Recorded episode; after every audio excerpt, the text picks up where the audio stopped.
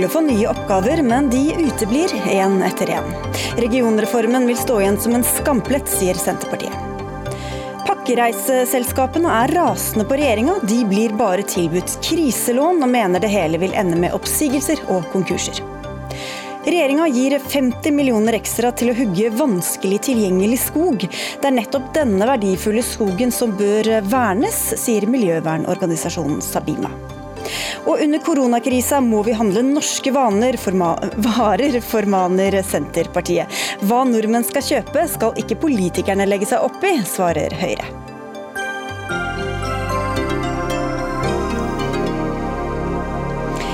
Dette er Dagsnytt 18, hvor vi også skal innom palmeolje på tanken og en avtale i Norges Tennisforbund som kalles skandaløs. Jeg heter Sigrid Solund.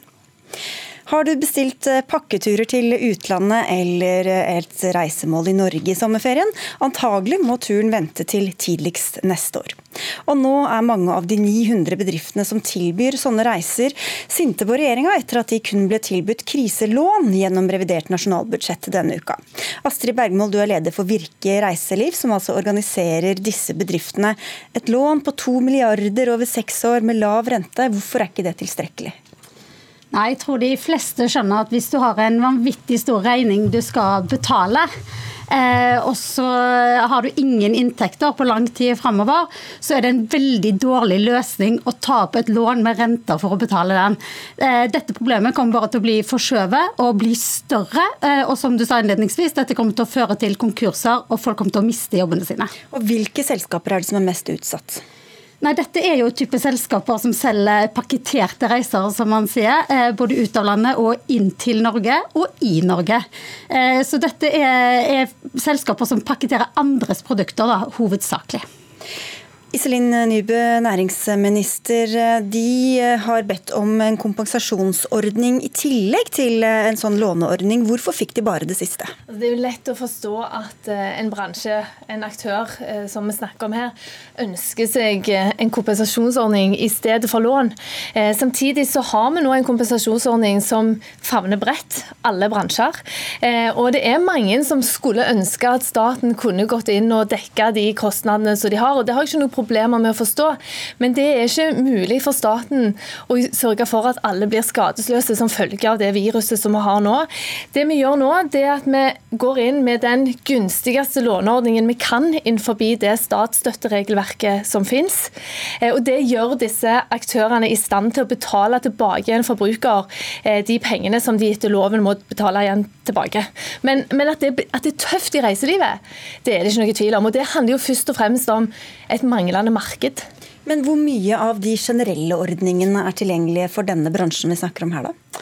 Eh, de er nok tilgjengelige, men utfordringen er at de treffer ikke. Altså Hvis man har eh, noen hundre tusen i faste utgifter, og så har man mange mange millioner i refusjoner eh, til forbrukere å tilbakebetale, så tror jeg de fleste skjønner at det, er der skoen trykker. Og så vil jeg jo bare si at Dette er bortforklaringer fra statsråden her. Det som er realiteten, er jo at man kunne ha hjulpet disse. Man kunne ha redda disse arbeidsplassene dersom man ville. EU-kommisjonen har tatt til orde for det. Stortinget har gjentatte ganger pressa på for at man skal redde reisearrangørene. Eh, og en samla reiselivsnæring, finansnæring og Forbrukerrådet har tatt til orde for det. Så dette er bare politisk vilje. Men han har rett og slett nedprioritert denne næringen. Eh, og det er vi utrolig lei oss for. Det mener jeg ikke stemmer. For det første så er det sånn at òg denne næringen her kan benytte seg av eh, andre ordninger vi har. F.eks. permitteringsregelverket, der staten tar størsteparten av regningen for de kostnadene som bedriftene har i forbindelse med det. Kompensasjonsordningen som, som dekker faste, uunngåelige utgifter. Ikke disse utgiftene vi snakker om her, men det er klart at de kan òg benytte seg av den. Og så har vi en rekke andre låneordninger som òg andre bedrifter kan bruke, men nå gir vi dem en egen låneordning med de beste betingelsene ytelsene vi kan gi. Og det, Den ordningen vi nå eh, legger fram, er den samme ordningen, iallfall veldig tilsvarende som det Danmark har konkludert med at de vil legge fram framover. Men vår varer litt lenger enn danskene sin. Ja, jeg kan jo kommentere kort på det danske forslaget først. fordi Det danskene har gjort, er jo gitt eh, et lån, som Iselin Nybø her sier. Men i tillegg har de altså gitt en statsstøtte på 600 millioner danske kroner. Så eh, det blir et litt sånn for billig eh, argument. Når det gjelder eh, denne kompensasjonsordningen som er generell, så forklarte jeg jo nettopp hvorfor det ikke vil fungere tilstrekkelig. Det vil ikke gjøre at eh, man unngår konkurser. Og så er det altså sånn at man kan si at denne låneordningen er så god man bare vil men realiteten er at den hjelper ikke bedriftene. Og da er det feil medisin til denne næringen. Ja, hvorfor stoler du ikke på den virkelighetsbeskrivelsen du får fra næringa selv? Men jeg har ikke noen problemer med å forstå virkelighetsbeskrivelsen. Eh, tror som, du det vil føre til konkurser og oppsigelser? Altså Det denne låneordningen gjør, er at den gjør disse bedriftene i stand eh, til å betale tilbake igjen de pengene som de skylder til forbruker. Ok, Så forbrukerne men, skal ikke bli skadelidende, men tror du at bedriftene her kan bli skadelidende? Altså Jeg tror disse bedriftene går ei tøff tid i møte møte. Eh, og det, det, det, kan vi ikke skyve under en stol. Og det handler jo om det viruset som er ikke bare i Norge, men i hele verden. Det handler om at hele verden er i lockdown. Det handler om eh, at vi ikke vet hva tid folk begynner å reise igjen. Så at det er utfordringer her, det er det ikke tvil om. Og Derfor så må vi òg se på de eh, ordningene som vi har for reiselivet generelt. Men jeg har lyst til å kommentere én ting på den danske ordningen. For det er riktig som det blir sagt. For det at Den danske ordningen var opprinnelig sånn at det var et solidarisk lån. Altså at du måtte være med og betale tilbake uavhengig av om du hadde tatt opp lån. Eh, du måtte gjerne betale tilbake mer enn det du hadde tatt opp selv. Og det ble store protester i Danmark. Og Pga. det så måtte de betale ned eh, deler av det solidariske lånet, sånn at det ble minst mulig. Men fra nå av så gjelder den samme type ordning for de som tar opp den, som den som gjelder for oss. Vi, vi kan forholde oss til dette uansett, men eh, dere sier fra Virke at dere føler dere nedprioritert. Men det er vel nesten alle føler seg nedprioritert i denne, i denne situasjonen. Så hvem andre er det man ikke skal Altså Skal alle få egne kompensasjonsordninger, eller hvem er det som ikke skal få det? Det som er særegent med akkurat disse tilfellene, er jo at det er en egen lov som sier at reisearrangørene er nødt til å tilbakebetale disse eh, reisene, uavhengig om de har fått pengene tilbake fra leverandører. Dette er en eh, lovforpliktelse og et økonomisk ansvar som ingen andre næringer, ikke heller andre aktører innenfor reiselivet, står overfor. Og dette er jo en lov som Stortinget har vært med å vedta. Så man kan ikke i det ene øyeblikket si at eh, det er greit med bransjespesifikke lover, men man skal ikke kunne hjelpe bransjespesifikt. Ja, så De har én lov på den ene siden, og samtidig som myndighetene sier at dere får ikke lov til å reise. Så er, Hva slags handlingsrom har denne bransjen da? Altså, dette er jo det rommet de har operert i over mange år, og så har det jo gått stort sett greit. Og tidligere har hatt en pandemi tidligere. Tidligere har de òg hatt forsikringer, etter hva jeg har forstått, men det hadde de ikke nå når denne pandemien eh, traff inn. og det, Nå er det jo helt umulig selvfølgelig å få forsikring for den type eh, risiko. Og Det er jo nettopp for den spesielle situasjonen vi er i nå, at staten har stilt opp i 100 milliarder kroners-klassen. Men det er jo bransjer der ute. Vi har et næringsliv som er i krise. Enten det er dette som er utfordringen, det er låg oljepris, eller det er eh, låg kronekurs. Mange som skulle ønske seg en bransje spesifikk kompensasjonsordning. Men dette er altså det mest gunstige lånet vi kan gi innenfor det regelverket vi har. Jeg må bare gjenta at den, dette lånet eh, kan man snakke så fint om man bare vil fra regjeringens side, men det hjelper altså ikke. Det vil bli konkurser. Folk vil miste kan si, jobbene Hvordan slår du ut? Liksom, ta for deg en bedrift, og så får de Hvordan vil dette faktisk virke? I, dette betyr jo da at hvis du har solgt en reise, så har du betalt pengene videre til leverandører. Nå står du altså alle reisene du har solgt fra mars og i overskuelig framtid er avlyst. Du skal refundere alt sammen. Du har nå fått tilbud om å ta opp et lån for å betale det tilbake. Det er for reisende fram til 15.6. Hele sommeren er det heller ingen løsning for. Altså Det vil bli helt umulig for dem å klare å tilbakebetale dette. Og dette er ikke til å komme unna at dette er et valg regjeringen har gjort. De kunne valgt å redde disse arbeidsplassene, de kunne valgt å støtte reiselivet, og de har prioritert mm. annerledes. Så i virkeligheten, For at de skal kunne overleve eller gå i null, så må de da selge dobbelt så mye som det de har gjort til nå? Eller tjene mm. dobbelt så mye, egentlig? Altså, mm. Prinsippet er jo eh, at eh, de skal jo hente tilbake igjen penger fra de aktørene som de har betalt pengene til. Men det er ikke så enkelt i disse dager. og Det er jo derfor de trenger dette lånet. For Hvis du som, som reisearrangør eh, skal, skal arrangere en reise reiser, så må du betale, så betaler kundene til deg. Og så bruker du de pengene på å betale fly, så betaler du hotell, og så betaler du gjerne for et arrangement som disse kundene skal på, og så blir det avlyst. Og Da er jo det en avtale som inngått mellom private parter, og de skal jo i utgangspunktet da kunne hente tilbake igjen penger fra fly, flyselskapet, hotellet, arrangører osv. Men det er jo ikke noe enkelt å få til i disse dager, for alle sliter jo. Så det er jo ikke sånn at eh, alle disse hotellene eller flyselskapene betaler tilbake igjen de pengene. Og Det gjør at disse arrangørene har et krav på seg, for de har et lovfesta krav for ja, ja, forbruker til å betale tilbake. Det, det, det, altså, det, blir jo virkeligheten sånn at det vil jo ende opp med bare masse minus og uten noen inntekter. Dette er et lån som skal betales tilbake, så det er klart at eh, det er jo markedet som avgjør hvor godt det vil gå for reiselivet framover. Altså, og der har vi store utfordringer framover. Og derfor så må vi òg se på hva vi kan gjøre for reiselivet generelt, ikke bare disse, men altså reiselivet. Altså Her snakker jo Nybø seg helt bort. Altså Realiteten er at det vil ikke hjelpe dem. Og de, regjeringen erkjenner jo sjøl at denne ordningen er så dårlig at en av de to milliardene som settes av til lån, er satt, i, satt av i tapsavsetning fordi man regner med at dette ikke kommer til å gå bra. Folk skal jo fortsatt ha ferie, men nå vil de reise kanskje til mange reisemål i Norge i stedet for. Kommer ikke inntektene til å komme da i løpet av de nærmeste månedene? Nei, Det er ingen tvil om at reiselivet er de som ble truffet først, og det er de som kommer til å slite lengst med dette. Altså det, er, eh, kan, det, kan, ta lang lang tid før det vil komme inntekter igjen. Og, og, og Måten man beskriver her eh, leverandørleddet på, det er heller ikke riktig. Mange av disse leverandørkostnadene vil man aldri få tilbake uansett. Man har heller ikke rett på alle leverandørkostnadene tilbake. Så det er helt naivt og en illusjon å tro at det vil være ja, Det er jo akkurat derfor vi gir denne støtten gjennom dette lånet. Det er altså det mest gunstige lånet vi har muligheter for å gi. Men det er fortsatt et lån, og de står foran store okay, utfordringer. Men i morgen så kommer det altså nye reiseråd fra regjeringa. Hva håper dere på da? Nei, Da håper vi på tydelige reiseråd som kan gi forutsigbarhet.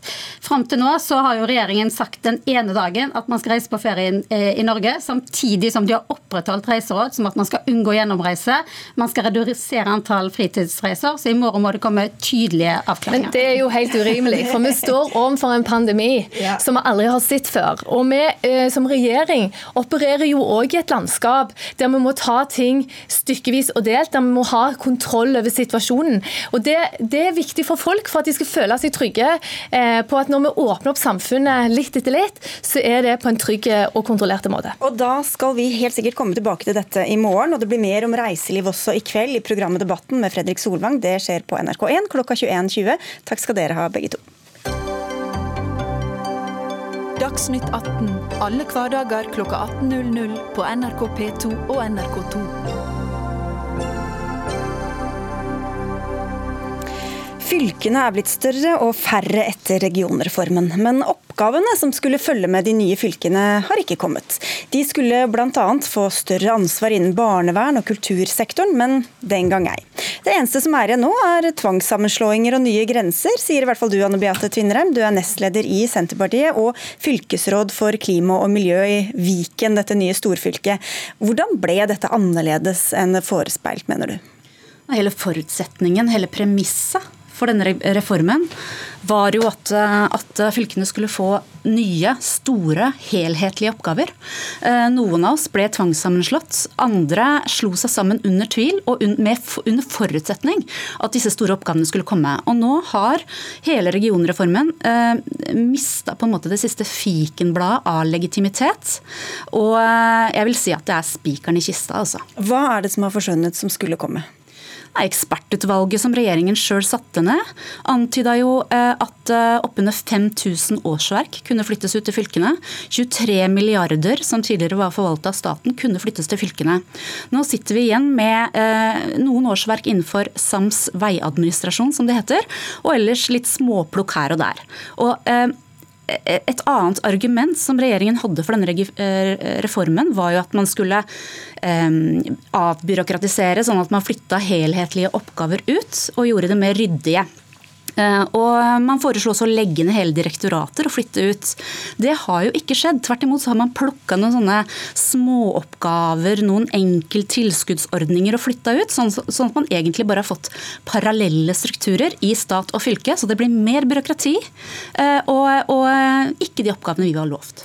Og som jeg også nevnte, da barnevern og kultur som også uteble. André Skjelstad, du er stortingsrepresentant fra Venstre og var sentral i utformingen av denne reformen. Hvor ble det av alle oppgavene som skulle følge med? Ja, altså De er nå der, men jeg skjønner jo at uh, Tvinnereim er jo de er, såpass bare, De er nå der. Er de nå der når en etter en forsvinner?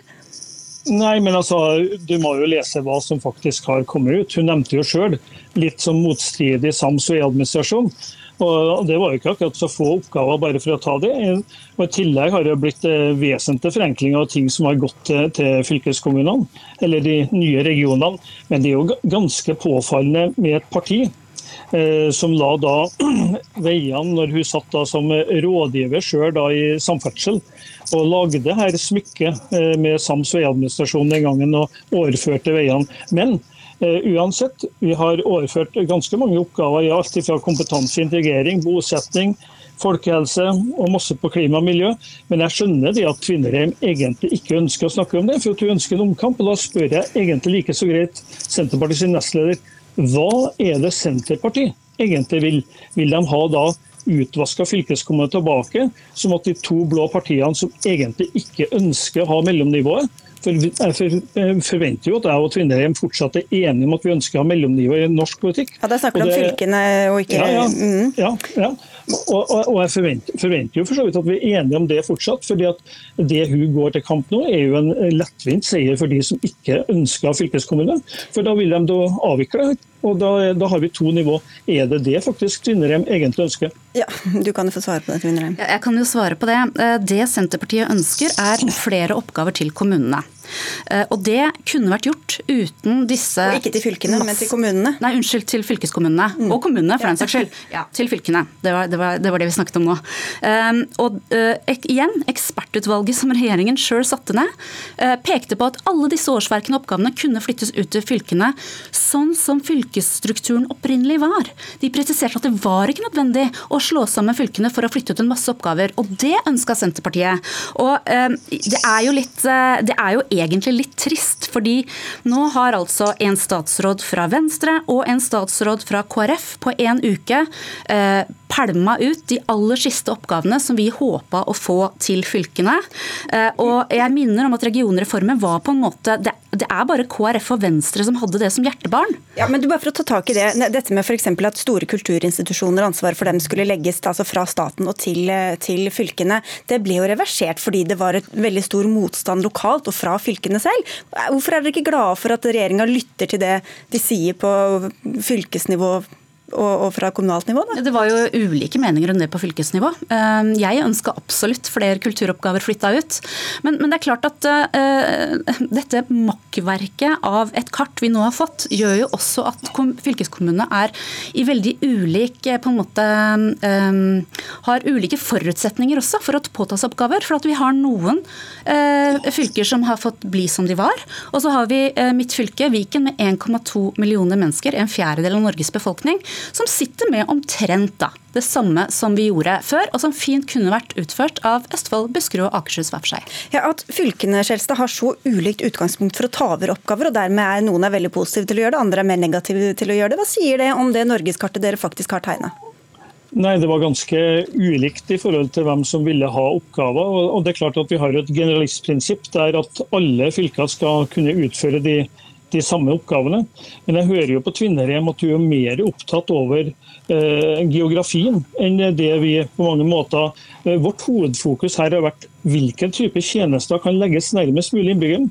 Og Det trodde jeg i utgangspunktet at det var en sånn god Senterpartiparole med, med tjenester nær mulig innbyggeren. Ja, så sa hun at det kunne skje med de gamle fylkene, men er, er, altså, er du ikke enig Nei. i at det er andre ja, Hun sa det, men er du ikke enig i at det er oppgaver som skulle følge med, som har forsvunnet?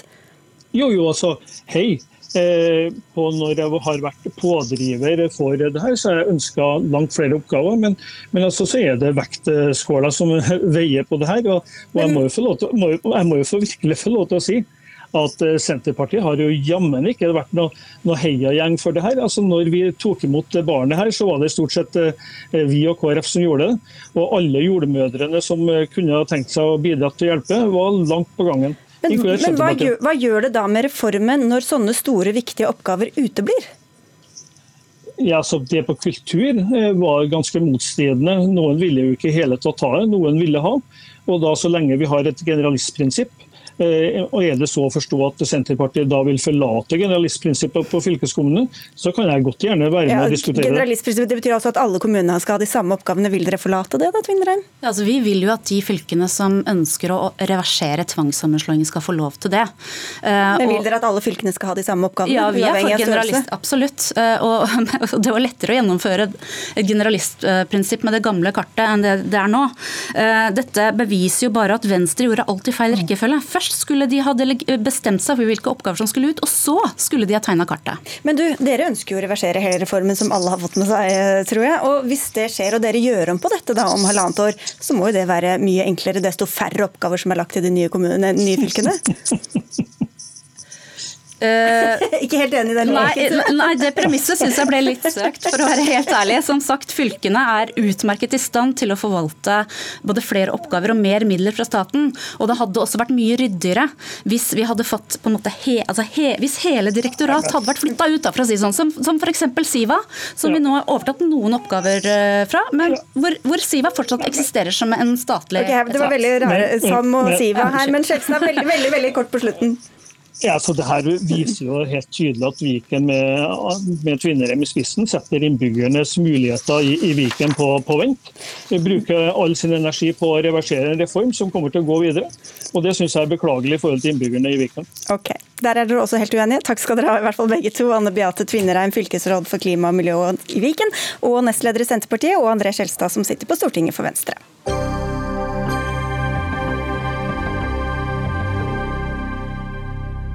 50 millioner kroner, så mye ekstra kom regjeringa med i revidert nasjonalbudsjett denne uka, som skal gå til å hugge skog som er vanskelig tilgjengelig og ellers ikke lønnsom å hugge.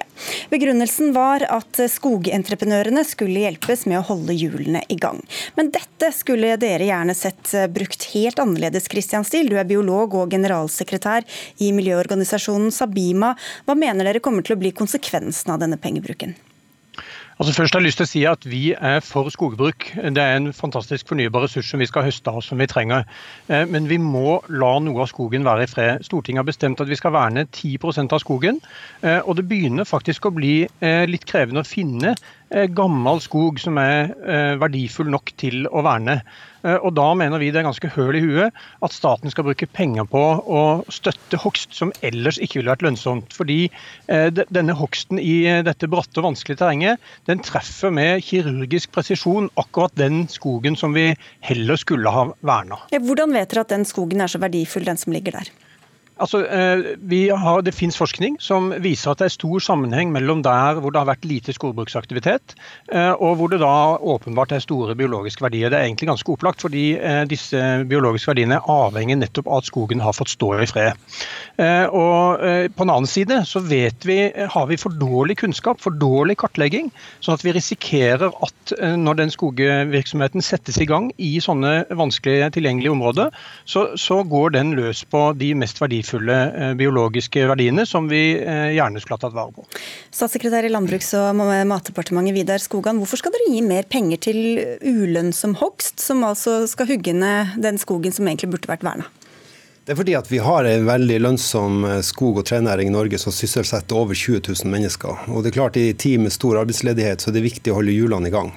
Og Det som skal hogges ut, eh, det er jo eh, skog som er klarert og godkjent for hogst. Og så er det veldig viktig å si her at Jeg er enig i Sabima sitt utgangspunkt her at vi skal ha en bærekraftig skognæring i Norge, og det er jeg veldig glad for. Og så er det sånn at Vi hogger ut under halvparten av den årlige tilveksten. Så, så mengden gammelskog og urørt skog og råtten skog som ligger der og er på en måte grobunn for artsmangfold, det øker for hvert år i Norge. Så, så tilstanden er litt motsatt av det som sies her fra Sambima. Hvordan kan dere ha så ulik eh, faktagrunnlag?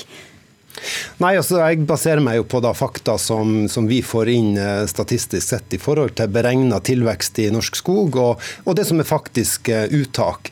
Og målinger som er gjort i forhold til mengden gammelskog eh, og, og skog som ligger igjen og råtner i, i, utmarka.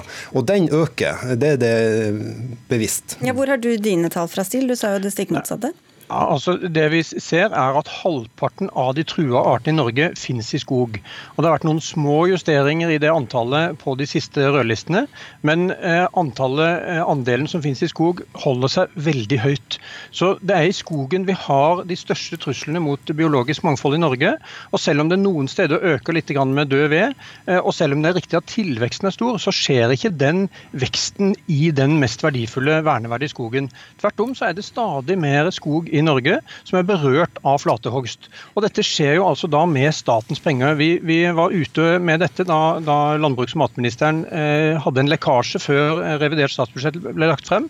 Og Det var mye reaksjoner på at staten bruker penger på denne måten. Eh, og altså eh, betaler for hoggeskog, som egentlig da heller eh, miljøminister Rotevatn burde ha betalt for å verne. Vi har en, en, du, du, sier det er klarert her, og det, det er skogen, men hva slags kartlegging har dere gjort av hva som bor i denne skogen, hva slags arter som lever der, hva som, altså hva, hva som faktisk finnes ja, ja, ja, i skogen. Nei, men Det er helt riktig at skogen er kjempeviktig for biologisk mangfold. og Derfor er det viktig med god planlegging og god, godt regelverk. Og det er jo slik at eh, Alle som får lov å drifte i skogen, må jo være sertifisert i forhold til å forstå seg på både fugleliv og dyreliv og skal ta hensyn til eh, naturen. Og Før man gjør en flatehogst, så gjør man en sånn vurdering av om det er deler av den flata som bør settes av som en egen biotop. Det, så det er det grunnerne som bestemmer, da, eller de, som skal som, sørge for å undersøke? De som foretar hogsten, eh, har et ansvar. og Dette er jo folk som jeg har veldig stor tillit til, og som er både kursa og sertifisert for å ta hensyn til naturen. Så, så det er ivaretatt i dag på en veldig god måte. Og så vil jeg også si at det som skal svare på det, for ja. her, her, her, her, hører vi at det blir ikke hugget hvis man finner ut at her er det en sjelden dyreart eller må, moseart, eller hva det kunne dukke opp hvis man finner det ut, og det er nettopp det som er nøkkelspørsmålet her. Det er veldig dårlig kartlegging, og ikke minst i disse fjerntliggende områdene. Eh, og det er egentlig ikke riktig å si at skogen blir klarert ut før den hogges. Man sjekker om noen tilfeldigvis har funnet miljøverdier der, og så er det gjort en viss miljøkartlegging, men mange steder er den mangelfull. Og, og jeg er enig i at det er flott at eh, skognæringa er miljøsertifisert. Det er noe som vi har samarbeida mye med næringa om, eh, og, og samarbeider fortsatt for å forbedre og, og stramme opp den miljøsertifiseringa, men jeg syns faktisk myndighetene har litt for stor tillit. Eh, vi opplever at, at landbruksmyndighetene nærmest har abdisert med tanke på å overvåke hvordan skogbruket foregår, og overlatt veldig mye til den privatrettslige sertifiseringa som, som skogene viser til. Skulle vel også kartlegges, ble ikke det vedtatt for flere år siden? At man skulle jo, det, kartlegge alt? Ja. ja i skogmeldinga i 2015, for altså, eller 2016, for over fire år siden, så vedtok Stortinget at vi skulle kartlegge den gamle eh, naturskogen. Og Så vidt jeg vet, så har Landbruksdepartementet ikke kommet i gang med den jobben. og Jeg kan ikke forstå hvorfor departementet ikke følger opp et stortingsvedtak på den måten, og tar det ansvaret for å finne ut av hvor de største verdiene faktisk er lokalisert på kart. Ja, jeg mener jo at vi følger opp det vedtaket gjennom det sertifiseringssystemet vi har, er at det skal gjøres, og før du gjør en hogst, eh, så skal du gjøre en kartlegging og en faglig vurdering av det området du skal hogge i. Men hvordan kan dere stole så på at alle kjenner igjen sjeldne arter, f.eks. av de som skal hugge skogen? Nei, og, og så Nå er jo fuglelivet på en måte tema her. og, og Der har man jo registrert det. altså F.eks. når det gjelder kjente eh, rovfugler og arter som er rødlista, ikke sant? Så, så, er det slik at hvis hogsten skal skje nå på vårparten, så er det avstandsgrense i forhold til kjente reir og forekomster osv. Vi hadde en sak allerede i forrige uke så, eh, om at det er veldig store deler av Norge vi egentlig ikke har oversikt over hva lever der, hvordan er det der? Fugleartene er viktige, men, men, det er også ting som er mye vanskeligere å finne. F.eks. sopp, lav, insekter, som er dårlig kartlagt, dårlig kunnskapsgrunnlag. Og jeg synes Det er faktisk ganske oppsiktsvekkende Skogan, hvis du sier at dere har overlatt faktisk oppfølgingen av et stortingsvedtak til de private skogeierne og til næringa og til det sertifiserte skogbruket. Har dere ikke tenkt å faktisk gjennomføre den kartlegging av gammelskog som Stortinget har bestemt? Vi har, eh, vi har eh, fulgt det opp gjennom et godt sertifiseringssystem og en godt opplæring. Altså hvis vi skulle, Det en relativt umulig oppgave hvis vi skulle gå hele Norge på langs og kryss og tvers og registrere alt av mose- og lavarter. Jeg tror ikke det er meningen at dere skal gjøre det selv. Nei, jeg tror det, jeg tror det, ja, Men poenget er jo det at det er jo, bedre, det er jo bedre å ha fokus på der man faktisk har tenkt å hogge ut, enn å på en måte ha den brede tilnærminga at alt skal registreres. Og så er det sånn at at eh, det er en liten andel av skogen som faktisk forvaltes. Ja, det er også okay. viktig. Veldig kort til slutt her, Stil. Men Har Stortinget fatta feil vedtak, mener du det, Skogan? At ikke vi trenger da å kartlegge hvor gammel skogen finnes? Jo, vi, eh, vi, har, vi kartlegger altså gammelskogen i Norge. altså Siste kartlegginga jeg har sett, i hvert fall er at andelen gammelskog i Norge har økt i forhold til tidligere. Ja, Men det vet dere vel ikke Mm. Hvis mm. dere ikke har kartlagt? Men jeg har lyst til å si til slutt at vi vil gjerne vi støtter at, at man gir tilskudd til skogbruket. Ja. Eh, F.eks. til eh, å modernisere skogbruket, så vi kan legge til rette for mer naturvennlig lukka hogster. Omvending til et moderne, miljøvennlig skogbruk. Uttak av sitkagran f.eks. Hvorfor ikke heller bruke tilskuddsordninger på den måten?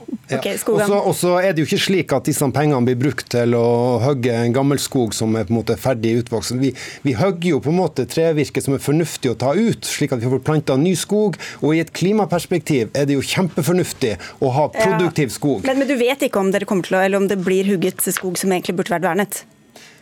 Det blir ikke hogga skog som eh, burde vært verna. Hvordan kan du vite det? Ja, Det er jeg sikker på. I tillegg til at de disse sertifiserte entreprenørene skal gjøre den vurderinga, så skal jo de som bestiller trevirke også ha ei vurdering. Og så skal hver kommune gjøre ei vurdering om disse pengene skal brukes i akkurat det området i sin kommune. Og jeg har tillit til at lokale myndigheter, entreprenører, godt opplært, gjør disse faglige vurderingene.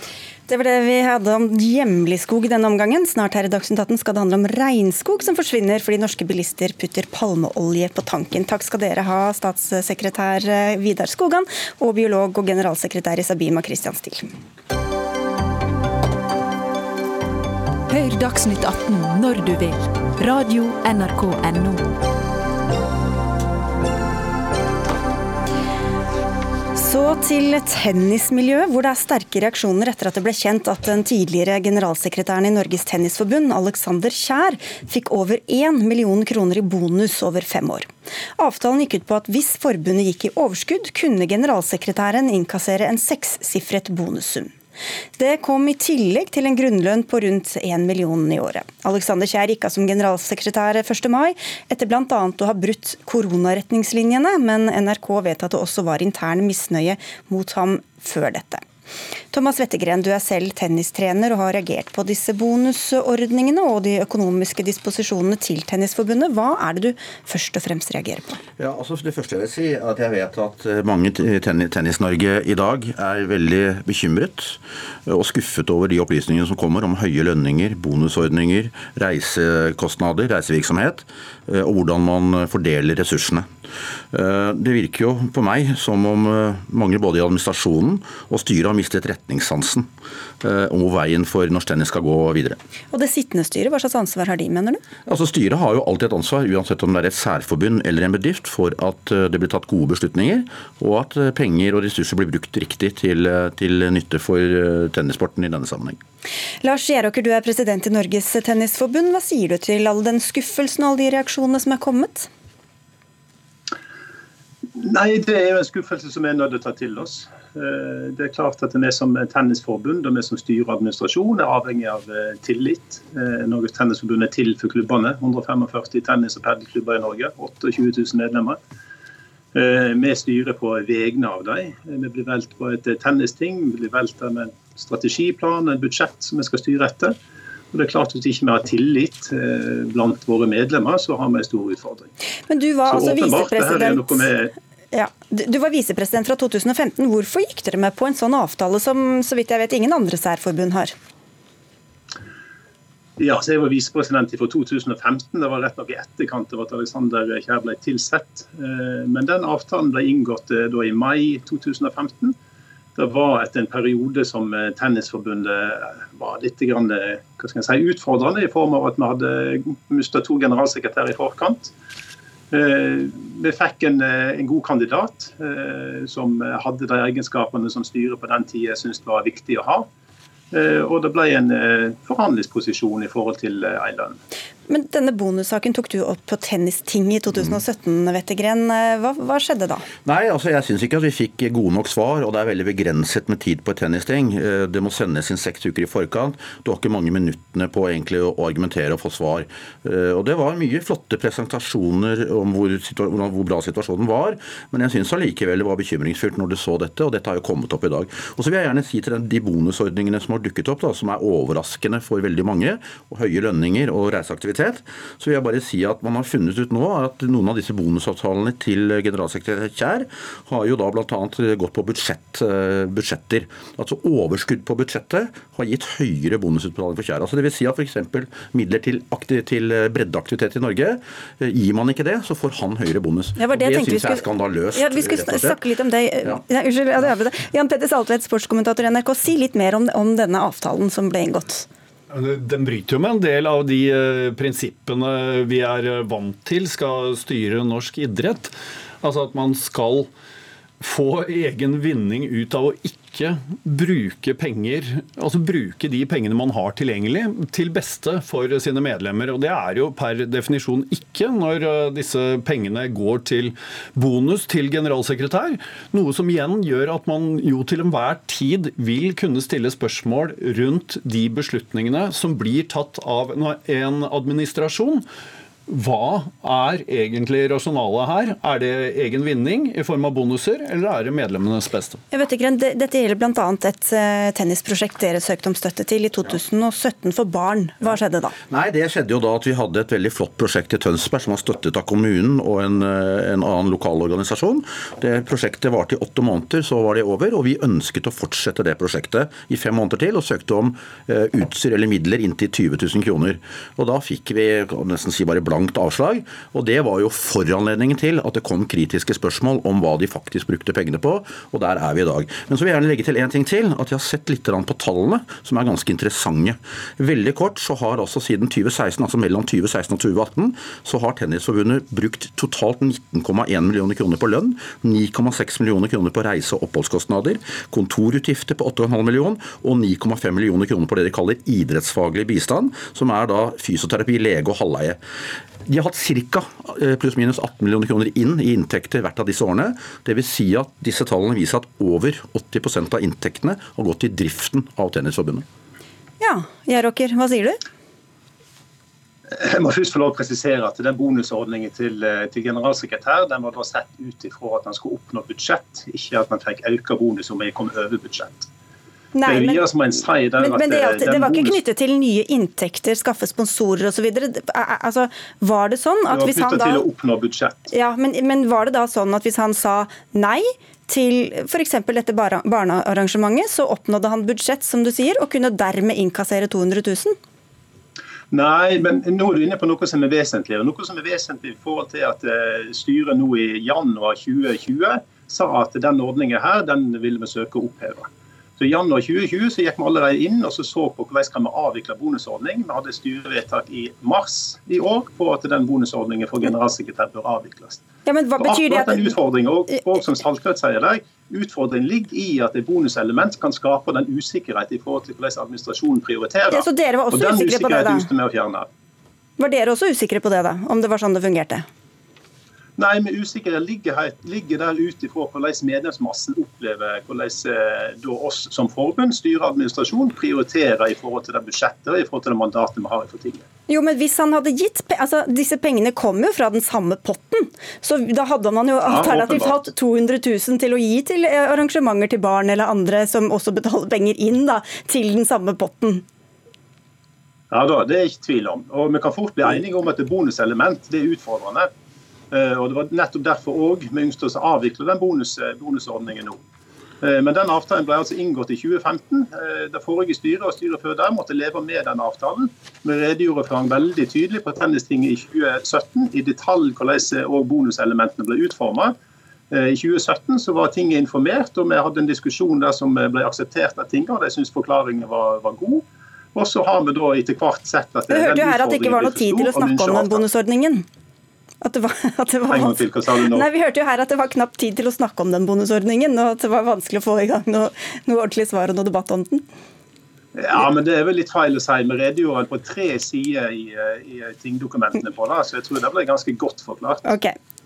Ja, altså Jeg kom jo noen spørsmål nå, Gjæråker, angående lønn, bonuslønn, reisekostnader, kontorutgifter, som utgjør altså 80% av inntektene til drift av Tennisforbundet.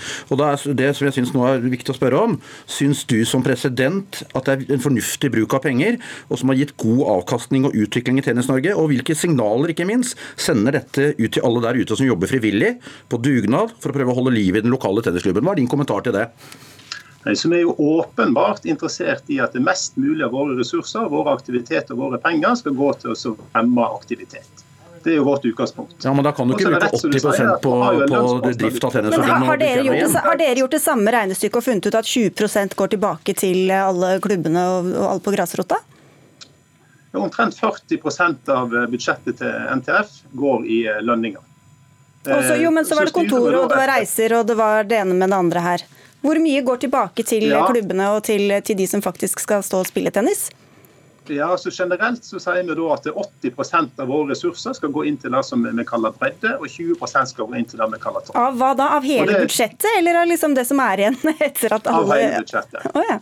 Ja, så må en selvsagt skille ut kostnader da, i forhold til hvordan du velger så kvantifisere de kostnadene inn i okay, vi, vi, vet ikke om vi blir så ja, du, ja, ja, du, du, du, du, satt jo i styret som visepresident fra 2015, og jeg sitter jo med tallene her også for de ulike årene. så bare et kort spørsmål da. Uh, hvor mye blir brukt på, De siste tallene er fra 2018. Hvor mye blir brukt på breddetennis i 2018? Eller i fjor? Jeg kan ikke spesifikt ta de tallene, men forholdstallet er 80-20 i forhold til bredde og toppe. Ja, og så vet vi ikke helt hva det, hva det tallet kommer fra. Det sier jo men, ingenting når vi ikke har noe tall. Nei, men ok, vi vet ikke om vi blir så mye klokere her. Saltvedt, hva er det Norges idrettsforbund har sagt om denne type avtaler som vi har sett her? da? De har tatt den eh, enkle varianten. De har sagt at eh, dette får eh, særforbundet selv ta som arbeidsgiver overfor den ansatte. Og Vi hører jo at det kan bli en ganske enkel og, og vennskapelig diskusjon eh, fremover. Eh, det, det, blir jo tatt tak i det her, og det tror jeg Idrettsforbundet setter stor pris på. Og så tror jeg de kvier seg veldig for å gå inn i eh, den diskusjonen. Men, men det kommer jo på toppen av ganske mange andre oppslag idretten har fått de siste årene? Det, tennisen har vel ikke alltid følt de har fått den oppmerksomheten de har fortjent. Jeg er ikke sikker på om de er så veldig glad for den de får akkurat nå heller. Hvis jeg bare kan få si helt til slutt der, så Akkurat den ut, utfordringen der, den ser jo vi òg.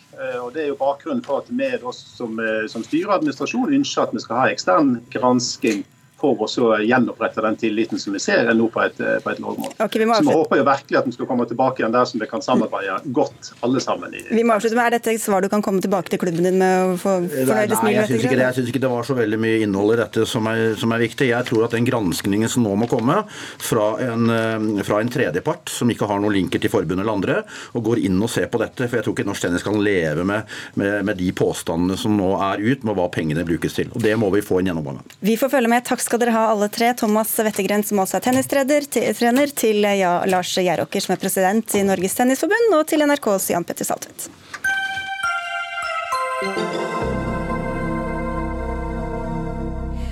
I fjor fylte nordmenn tanken med 20% mer palmeolje enn året før. Det til tross for gjentatte politiske vedtak om at biodrivstoffet vi fyller på tanken i Norge, ikke skal komme fra råstoff som ødelegger regnskogen. Så hvilke konsekvenser får denne økninga, Nils Herman Ranum? Du er leder i nullavskogingsprogrammet til Regnskogsfondet. Ja, Mitt ansvar er å stoppe avskoginga, og en viktig del av det er faktisk å forhindre bruk av palmeolje til biodrivstoff. Palmeoljebasert diesel er enda verre for klimaet enn fossil diesel, så det blir faktisk større miljøproblemer, og ikke en løsning på miljøproblemet som skjer når du bruker det som biodrivstoff. Og Årsaken til det er ganske enkelt at den økte etterspørselen etter palmeolje fører til mer avskoging, fordi det trengs nye arealer for å dyrke palmeoljen.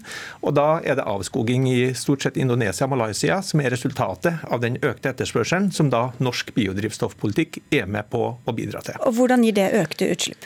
Det er fordi at du har eh, store skogområder som da avskoges, brennes. Du har delvis også torvmyrområder som er karbonlager, tjukt med karbonlager, eh, delvis timetere, eh, som nå er neddamma, men som da tørker opp, og som slipper ut store, klimagass, store klimagassutslipp når den skogen ødelegges og de torvmyra, den torvmyra tørker. Mathias Fischer, statssekretær i Klima- og miljødepartementet. Mer palmeoljebruk, er det en gladnyhet, syns du? Nei, det er absolutt ikke en gladnyhet. Altså, det er ikke regjeringens ønske at vi skal ha mer palme, men det er regjeringens ønske at vi skal ha biodrivstoff på tanken. Og så skal vi gjøre at den blir mest mulig av det som er avansert og god biodrivstoff, og ikke at det skal være det som da fører til avskoging i utlandet. For, ja, for du, som du sier, Dere har altså økt dette omsetningskravet, altså kravet til hvor mye biodrivstoff som skal uh, selges. og Hvorfor har dere gjort det hvis dere er imot den samme utviklingen? Ja, altså grunnen til at vi har biodrivstoff på tanken i Norge, det er jo at vi, det er store klimagassutslipp fra transportsektoren i Norge. Fra biltransport og persontransport. Eh, og Da må vi få flere til å kjøre elbil, vi må få færre til å kjøre bil. Og så kommer det til å være dieselbiler og bensinbiler. og Da skal vi sørge for at det er så energieffektive biler som mulig, og at det de slipper ut, det drivstoffet de har på tanken, så, har så få utslipp som mulig. Og Det har vi gjort på to måter. Da har vi et avansert et krav om hvor mye, en stor andel av drivstoffet som skal være biodrivstoff. Og så har vi hatt en eh, er det ikke veibruksavgift på drivstoffet utover det kravet. Og Det er særlig det siste som har slått uheldig ut, og som er grunnen til at man har fått den økningen i palmeolje. Det er fordi at det ikke har vært veibruksavgift på det, eh, bruken av biodrivstoff utover omsetningskravet. Eh, som har gjort at det er billig å velge palmeolje inn på tanken. og Da har det vært én eh, næringsaktør som har valgt å gjøre det. Det vi gjør nå er at Fra 1.7 så blir det veibruksavgift på all biodrivstoff. Da men, men, vil det ikke lenger lønne seg å putte palmeolje inn i den men Dere har lagt opp til et system som sørger for at det blir mer palmeolje?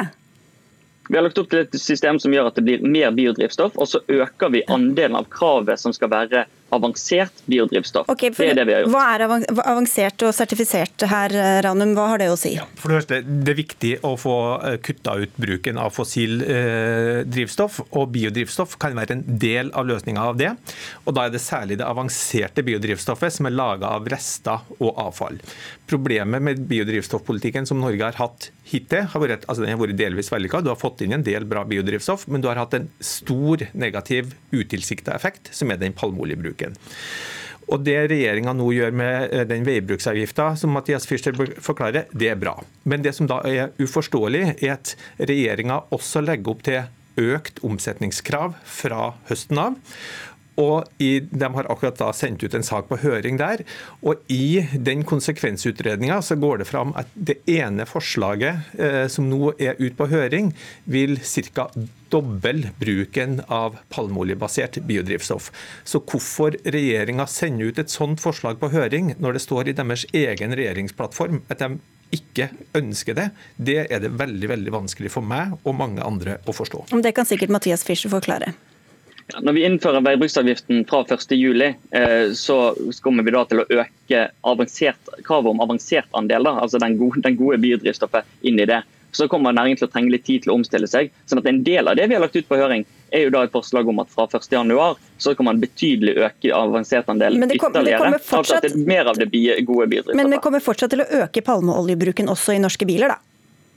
Ja, Det er ikke gitt. Det viktigste er at vi nå innfører den veibruksavgiften som bidrar til at det ikke vil være lønnsomt på samme måte å putte palmeolje på tanken, som da denne ene aktøren i markedet har gjort. Mm. Men er det nok annet biodrivstoff tilgjengelig, Ranum, sånn at man kan nå dette omsetningskravet uten å bruke palmeolje? Ja, Det norske omsetningskravet det er ambisiøst og høyt, men det er fortsatt nok på verdensmarkedet for at du skal klare å oppfylle det norske eh, omsetningskravet, selv om du stiller mye strengere krav til avansert. og Det er det regjeringa bør gjøre. og eh, som Mathias Fischer sier, så Det ene forslaget har et høyt krav til avansert, men de har da også sendt ut på høring, og regjeringa har ikke sagt noe om at de eh, heller foretrekker mye avansert, men de har da et forslag også som ikke har en høy avansert andel og som da ifølge Miljødirektoratet kan føre til at det brukes 180 millioner liter palmeoljediesel i Norge neste år. Altså flere alternativer ute på høring? Det er flere alternativer. Og når regjeringa har i sin plattform eh, at de ønsker å utelukke palmeolje eller biodrivstoff som fører til avskoging, så skjønner jeg ikke hvorfor de sender ut et høringsforslag som fører til det akkurat motsatte. Hvorfor gjør dere det, Fischer? Altså det Vi gjør er at vi øker, innfører veibruksavgift på det som er utover omsetningskravet. Og Da må næringslivet få en mulighet til å omstille seg. Så må vi se på hvilken takt vi skal ha for å kreve ytterligere grad av avansert. Og så er det da forslaget her om at allerede fra 1.1 så skal man ha en betydelig større andel Men hvorfor, av Hvorfor kjører dere ikke bare på med det strengeste og lar det være med det? Ja, det er fordi at det er begrenset hvor, hvor raskt du klarer å fase inn og ta den omstillingen i markedet. Betyr det at det ene forslaget dere har lagt ut er urealistisk? Altså det med streng eh, avansert krav? For dere har to for ulike forslag fra 1.1. Og hører jeg nå at du sier at det ene av det, som er det som er best av dem, at det faktisk ikke er gjennomførbart? Nei, det sier jeg på ingen måte. Men jeg sier at, eh, at, det, grunn, at det, forslaget da er fra 1.1, og så er 1.7 det er rett og rett rundt hjørnet. Så hvis Shell sier at nei, det får ikke vi til, så hva skjer da? Ja, Hvis Kjell sier det, så får de se hva som regjeringen kommer til å konkludere med. Eh, så er det jo faktisk det at det er Kjell og ST1 som er de aktørene som har palmeolje på tanken. Og så ser vi jo det at andre aktører har lyttet til forbrukerne tatt ut palmeolje. Og det er jeg veldig glad for. Men um, Ranum, det er jo også bruk av altså sertifisert palmeolje. Det som man sier at det, det vet vi at det, det, det ødelegger ikke regnskogen. Hva er farlig med å bruke det, da? Det var det vi trodde for ti år siden, da EU innførte såkalte bærekraftskrav til biodrivstoffet sitt. Det er sånn at I mer enn ti år så har all palmeoljen som har blitt solgt i EU, vært nettopp sertifisert. Og så har grundige EU-studier gjort at du ser at avskoginga pga. biodrivstoff fortsetter, fordi at de støvsuger markedet for sertifisert palmeolje mens da den, eh, resten, den økte etterspørselen fører til mer avskoging. Og Nettopp derfor har EU nå endra sitt regelverk, som blir gjeldende fra neste år, som gjør at EU har bestemt seg for å fase ut palmeolje fra biodrivstoffpolitikken sin. Så Det er for så vidt også en viktig ting som Mathias Fischer og uh, regjeringa må gjøre. Det er å implementere den utfasinga av palmeolje umiddelbart, med en gang da det EU-direktivet ble gjeldende neste år. Det, vi får se hva som kommer både i høsten og til neste år. Takk skal dere ha begge to, Nils Herman Ranum eh, i Regnskogsfondet og til statssekretær i Klima- og miljødepartementet Mathias Fischer.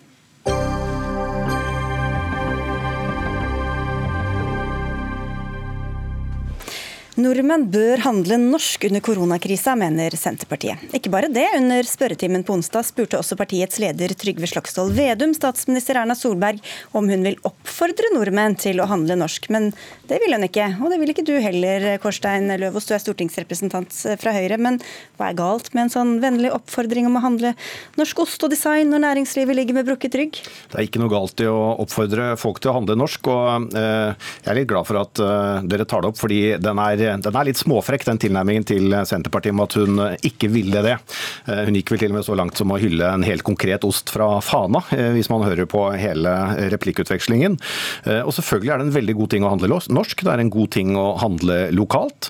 Men det er for det første ikke alle forunt. Jeg har lyst til å ta et helt konkret eksempel, fordi partilederen i Senterpartiet nevnte sofa fra Sunnmøre. Så jeg gikk inn og så litt på nett i dag, og en god sofa fra Sunnmøre koster fort 20 000 kroner. En god sofa fra Ikea koster fort 3000-4000 kroner. Var det ikke lenestoler han snakket om? Men det er samme prisforskjellen eh, på, på lenestoler. sånn at det er ikke alle som kan uh, ha den luksusen og rett og slett uh, handle norsk i enhver setting. Så vi må passe på at vi ikke skaper en, en skamfølelse eller en skyldfølelse fordi man ikke handler norsk. Nå har vi nok tid igjen, så jeg håper det er litt mer uenighet enn som så, Emilie Enger Du er stortingsrepresentant fra, fra Senterpartiet. Hva er det dere egentlig kritiserer regjeringa for her? Nei, Vi kommer jo først og fremst med en eh, vennlig oppfordring til folk der ute om å velge norsk eh, hvis man skal handle noe, og har muligheten til det. Og det handler jo om å støtte norske bedrifter, norske arbeidsplasser og lokalt næringsliv rundt omkring i landet. Eh, og så var det en spørretime hvor eh, Erna Solberg ble konkret spurt om hun også ville gi en sånn oppfordring, noe hun ikke ville.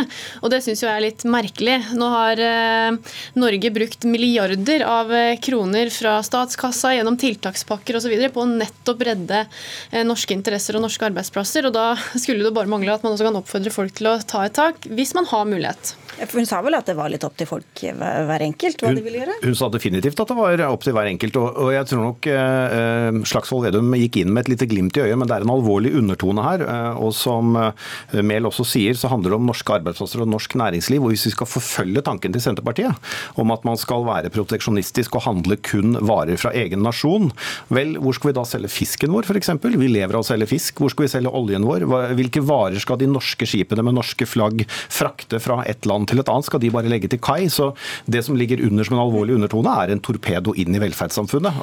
Så det er egentlig litt for alvorlig til å fleipe med, og jeg ble litt overrasket over at Vedum brukte Stortingets talerstol til akkurat den saken. Men det hadde jeg også tenkt å spørre om, Mel, fordi ifølge denne logikken så bør jo kinesiske myndigheter oppfordre kinesere til å ikke spise norsk laks, og eh, britiske myndigheter sier ikke spis Jarlsberg fra Norge? Alle land eh, i verden de står opp for sine egne interesser, og det gjør eh, også Norge, og det bør vi gjøre. Og det Men det er jo i norsk interesse at andre land skal ta og kjøpe våre varer? Det er i norsk interesse at vi skal, andre land skal handle våre varer. Eh, Det er i norsk interesse at vi sjøl skal handle våre egne varer. Og dette handler jo til syvende og sist om forbrukerbevissthet. Nå står vi i en situasjon hvor norsk næringsliv, norsk, norske arbeidsplasser står virkelig i fare. Og det, som, det det handler om, er jo å gjøre folk bevisste på når man er i butikken så eh, kan det ha noe å si for arbeidsplassen din om du kjøper en norsk vare eller om du ikke gjør det. Men ønsker du at myndighetene i Kina og i eh, Spania og i England skal gjøre sine forbrukere bevisst på samme måte? Det syns jeg absolutt at eh, alle land i verden bør ha bevisste innbyggere som okay. har tatt stilling til hva de gjør at vi får ja, eksportert men mindre av Nå fremstilles det jo her som at det er et enten-eller, og det er jo ikke tilfellet i det hele tatt. Men Det er grenser for hvor mye ost vi kan spise uten å Ja, trille rundt. akkurat når det kommer til ost eksempel, så mener jeg at det er varer som vi i stor grad bør produsere i Norge. Vi har, både, eh, altså vi har jo hatt en diskusjon f.eks. ostetoll tidligere. Skal vi produsere osten i utlandet eller i Norge? Norsk hvit, eh, altså Norvegia-ost, det er sånn som vi burde produsere i Norge. Som vi Det skjønner men det var noe litt annet enn om alle land bare skal be sine innbyggere om å handle sine, det som er produsert i sitt land. Ja, jeg tror at... Som du mener at man skal, eller skal man ikke det? Jeg mener at eh, alle land bør oppfordre sine innbyggere til å ta bevisste valg som forbrukere. Og i en situasjon, og de fleste land bør også være sikre på at de er selvforsynt med mat til en viss grad. At de, de kan klare seg når eh, ikke nødvendigvis verden kan komme til unnsetning. Men at det fremstilles som en, et enten-eller, det er jo faktisk noe Senterpartiet må ta ansvaret for. Fordi de fremstiller både på sin Facebook-side og på sin hjemmeside den replikkutvekslingen går som et enten-eller. Men statsministeren svarte ald- aldeles utmerket at ja, kjøp gjerne norsk, kjøp gjerne norsk ost, men bestem det selv, og la lommeboken også bestemme. Dette er en privatsak. det er en privatsak, og Men- det er en, en, en oppfordring hvor du på en måte legger, lar folk få en skyldfølelse hvis ikke det handler norsk. Det er både usosialt, og det er også eh, en helt feil tilnærming til handel. Men Ta da, den- da ta lurer jeg den- på, vil spørre om det også, for det der er andre ting som statsministeren oppfordrer til. F.eks. at alle må få flere barn. At alle må laste ned en app som gir myndighetene fullstendig tilgang til alt vi driver med. Men akkurat å handle norsk, det ble litt for privat. Nei, eh, det gjorde ikke det. og Jeg, jeg tror jeg vil oppfordre folk til å gå inn på, på nettsiden Du sa akkurat at det var privatsak. se, eh, jo, men se replikkvekslingen. fordi hun sier hun, hun har ikke noe mot å oppfordre folk til å handle norsk, men hun ville ikke si at det er det du skal gjøre. Hun sa vel ikke at folk skulle lage barn heller, hun sa det var en oppfordring. Men eh, ta varehandelen som har eh, mange varer, da. Eh, Den lokale kjøpmannen som har mange norske varer og mange utenlandske varer. Skal han sitte igjen med alle de utenlandske varene etter at folk da har vært inne og bare handlet norsk? Så dette, dette skader jo næringslivet også lokalt. Så det, det er et resonnement som uansett hvilken kant du nærmer deg fra det, så bryter det sammen logisk, eh, både lokalt og internasjonalt. Altså, nå gjør Høyre seg veldig vanskelig her. Vi sier jo om man skal oppfordre til å handle norsk, og det handler jo også om å handle i norske lokale butikker. F.eks. gå til den, nettopp den lokale kjøpmannen eh, istedenfor å bestille det på nettet fra utlandet. ikke sant? Og nå har vi jo en situasjon hvor det er krise, og hvor vi må handle norsk for å eh, hjelpe bedriften gjennom krisa. I en normalsituasjon så er det kanskje lurt å tenke gjennom om man skal handle norsk for å være sikker på at vi har butikker å handle i det hele tatt, eh, sånn at ikke blir utkonkurrert av utenlandske nettbutikker eller av eh, utenlandske matprodusenter. Eh, Så det er egentlig en eh, vennlig oppfordring om å være med på dugnaden. Og det å kjøpe norsk, hvis man har mulighet til det, det kan være et eh, fint bidrag. Det er jo absolutt ikke noe tvang, og jeg tror de fleste klarer å finne en god balanse for seg sjøl akkurat der. Ja, det, det tror jeg også. Det var vel derfor jeg var i utgangspunktet forundret over at det ble en debatt i det hele tatt. Fordi jeg opplevde som sagt at Slagsvold Vedum tok til orde for å handle norsk, og at Erna på ingen måte, statsministeren på ingen måte avviste det. Jeg liker å handle norsk. Jeg har handlet lokal asparges senest her forleden. Et produkt som du bare for noen år siden ikke eh, kunne få tak i i Norge. Men det er også, det er også sånn at, eh, og det er viktig, og jeg er glad for Mehl sier det på slutten her, at du, du må ha lommebok til det, for den er utrolig dyr. Og Det er ikke alle som da kan handle den, og da må de få lov å kjøpe de rimeligere eplene eller de rimeligere grønnsakene fra andre steder. Så vi, vi må ikke blande oss for mye inn i folks privatliv. Men ja, eh, stø, kjøp gjerne norsk. Ja, det handler også, det handler også om, å være bevisst. Altså Her om dagen var jeg på butikken jeg skulle kjøpe løk. Og Da ligger akkurat den samme rødløken i samme emballasje i, fra samme, produ, eller samme leverandør til butikken. Men noen av de er produsert i Norge, og noen av de er produsert i New Zealand. Så det er ikke alltid det handler om prisforskjell. Men det handler jo, det handler jo om rett og slett å være en bevisst forbruker. Tenke over hva du kjøper i butikken. Og jeg skjønner ikke hvorfor Høyre alltid må forsvare import hver gang det kommer opp. Fordi vi, fordi vi er tuftet på eksport. Vi er en nasjon som lever av internasjonal handel, og dette går begge veier. Import og eksport går hånd i hånd. Dessuten er det norske løken. Jeg kjøper den gjerne. Veldig ofte produsert av utenlandske arbeidere, som vi har jobbet hardt for å få hit fordi bøndene har ønsket å få dem. Så dette henger sammen. Det er internasjonalt. Vi lever ikke i en liten øy. Men det er lov å kjøpe Rockefòr så lenge du gjør det på din lokale butikk? skjønner vi Det er absolutt lov å kjøpe Rockefòr når som helst, men hvis man har muligheten og har lyst på det, kjøp norsk og tenk gjennom hva man bruker forbrukermakta til. Og man skulle kanskje ikke tro det, men, men debatten fortsetter i Politisk kvarter i morgen tidlig. Der møtes Trygve Slagsvold Vedum og Jonas Gahr Støre. Kanskje ikke bare om dette, da. Takk skal dere ha i hvert fall begge to for at dere kom til Dagsnytt 18, som nå er over. Det var Dag Dørum som hadde ansvaret for innholdet. Stein Nybakk hadde teknisk ansvar, og jeg heter Sigrid Solund og takker for oss.